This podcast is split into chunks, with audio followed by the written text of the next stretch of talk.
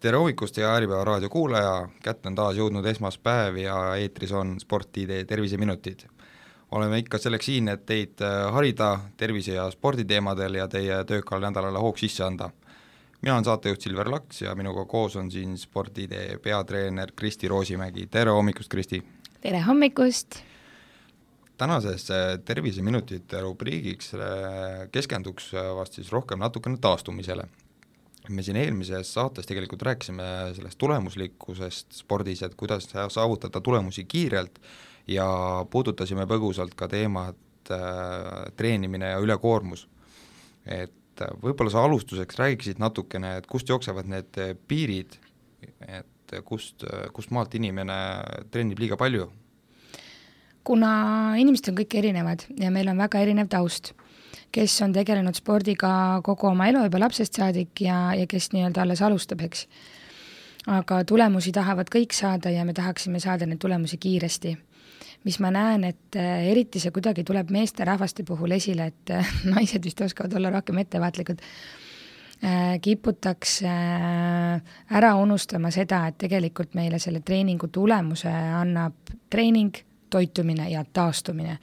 ja, ja seda taastumist eiratakse senikaua, kuni on probleem käes. kui palju on liiga palju, kui sa ei ole kunagi trenni teinud ja, ja nüüd sa alustad treeningutega, siis ma ütleksin nii, et äh,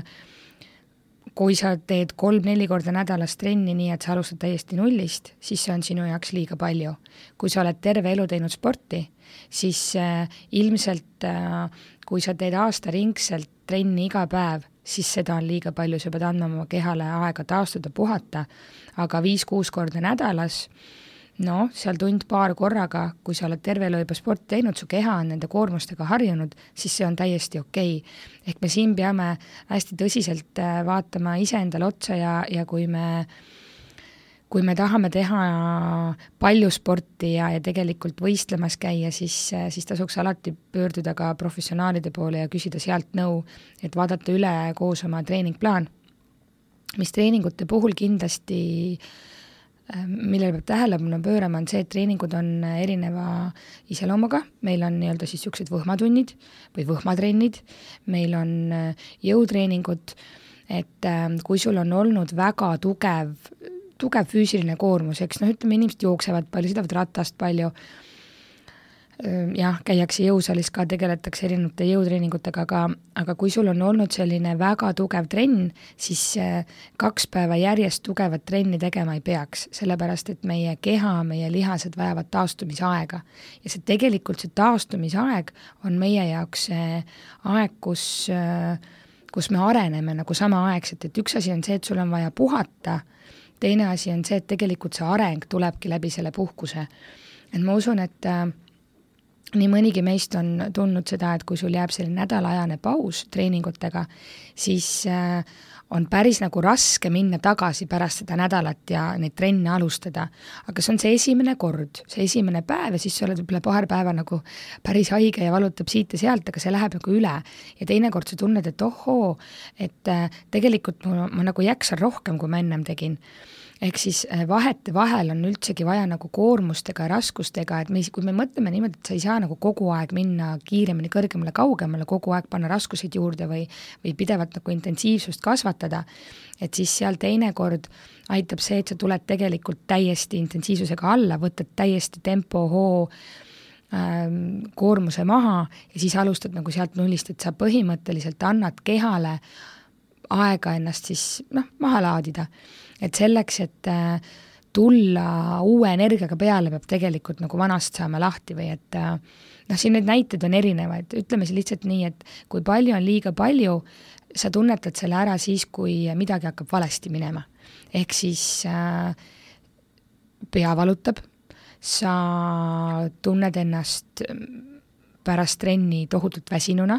hommikul ärgates sa tunned, et sa ei ole välja puhanud muuseas, siin peab ütlema seda, et äh, meil nagu number üks taastumisvahend on uni. Ja see on täiesti tasuta, et me saame tegelikult äh, seda magamise tähtsust, äh, une tähtsust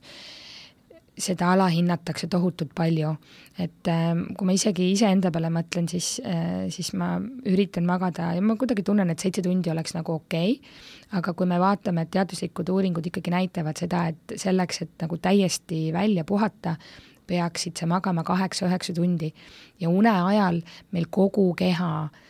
taastub, meie rakud taastuvad, meie noh, see on nagu hormoonide tasemel, et, et tihti inimestel tegelikult kogu see stress, kaalutõusud, see, et sa, et sa treenimisjärgselt äh, ei taastu, meeleolu muutused, see kõik algab lihtsalt sellest väikesest, aga väga olulisest äh, tegurist, mis on uni, et me peaksime piisavalt palju magama, et see on nagu üks asi, mille peale peaksime üha rohkem pöörama tähelepanu, et me kvaliteetselt magame just siis, kui me hakkame ka tegelikult trenni tegema rohkem ja, ja meie füüsiline koormus kasvab et me peame andma kehale aega taastuda samuti. Nüüd äh, ma soovitaksin vaadata otsa oma treeningplaanile või treeningutele, et kui sul on olnud raskeid trenne, siis äh, järgmine päev peaks kindlasti see treening olema kergem. ja, ja pärast kerget trenni on näiteks aeg jälle võtta koormust juurde ja siis võib-olla teha puhkepaus. ehk siis mõte on selles, et nagu rasked treeningud ei oleks järjest või kui nad on järjest, siis see puhkuseaeg peab tegelikult olema ka tunduvalt pikem. et siin, kui me mõtleme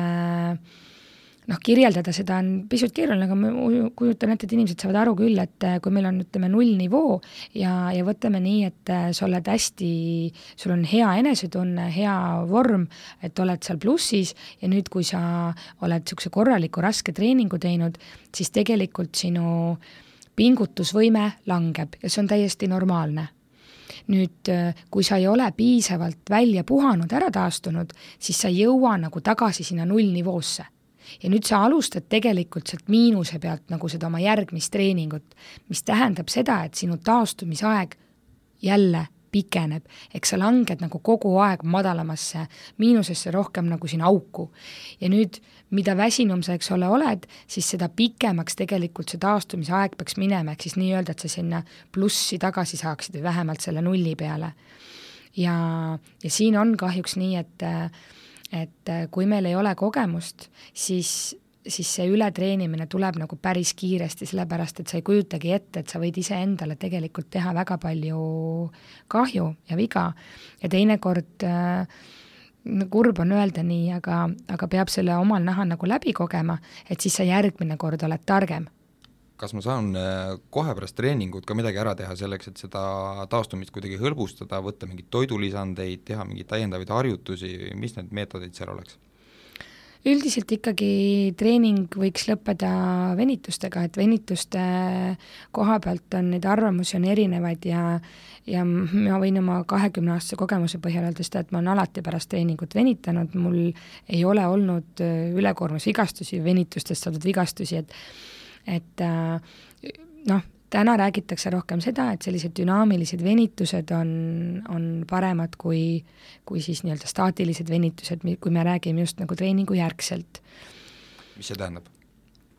see tähendab seda, et sa ei hoia seda venitust, ühte venitust pikalt, mida sa tegelikult võid ka teha, aga et sa alustad siis nii-öelda äh, liikuvate venitustega, et teed selliseid liikuvaid venitusi ja sinna peale läheb staatiline venitus. et venitused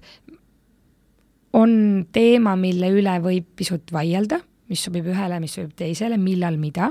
aga üleüldiselt, et niimoodi, et lihtsasti inimesed aru saaksid, siis äh, venitused tegelikult on nagu üks võimalus anda kehale aega taastumiseks. järgmine täiesti, ma arvan, et täna selline tavaline ja kõigile kättesaadav vahend, kas siis kodus või treeningsaalis, eks, on saun. et kuumus aitab meil kehal taastuda, soe aitab kehal taastuda, kudedel taastuda. nii et kui sul on olnud selline raskem trenn, siis tegelikult saun on kindlasti üks väga hea vahend ja uni, korralik, korralik hästi kvaliteetselt äh, veedetud öö, nii et sa oled ennast välja puhanud, see on üks kõige olulisemaid ja, ja vaata, et võib-olla kõige tähtsamaid taastumisvahendeid.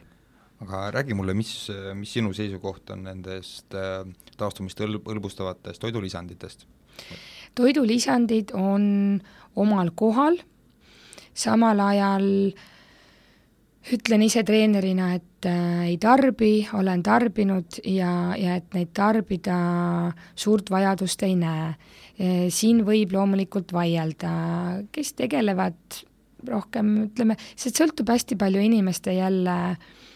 eesmärkidest, et kes tahavad tohutult niimoodi lihasmassi kasvatada, siis, äh, siis ilmselt nad seal tahavad kreatiini võtta juurde ja, ja üht-teist juurde tarbida, aga olgem ausad, eks see tegelikult üks suur business on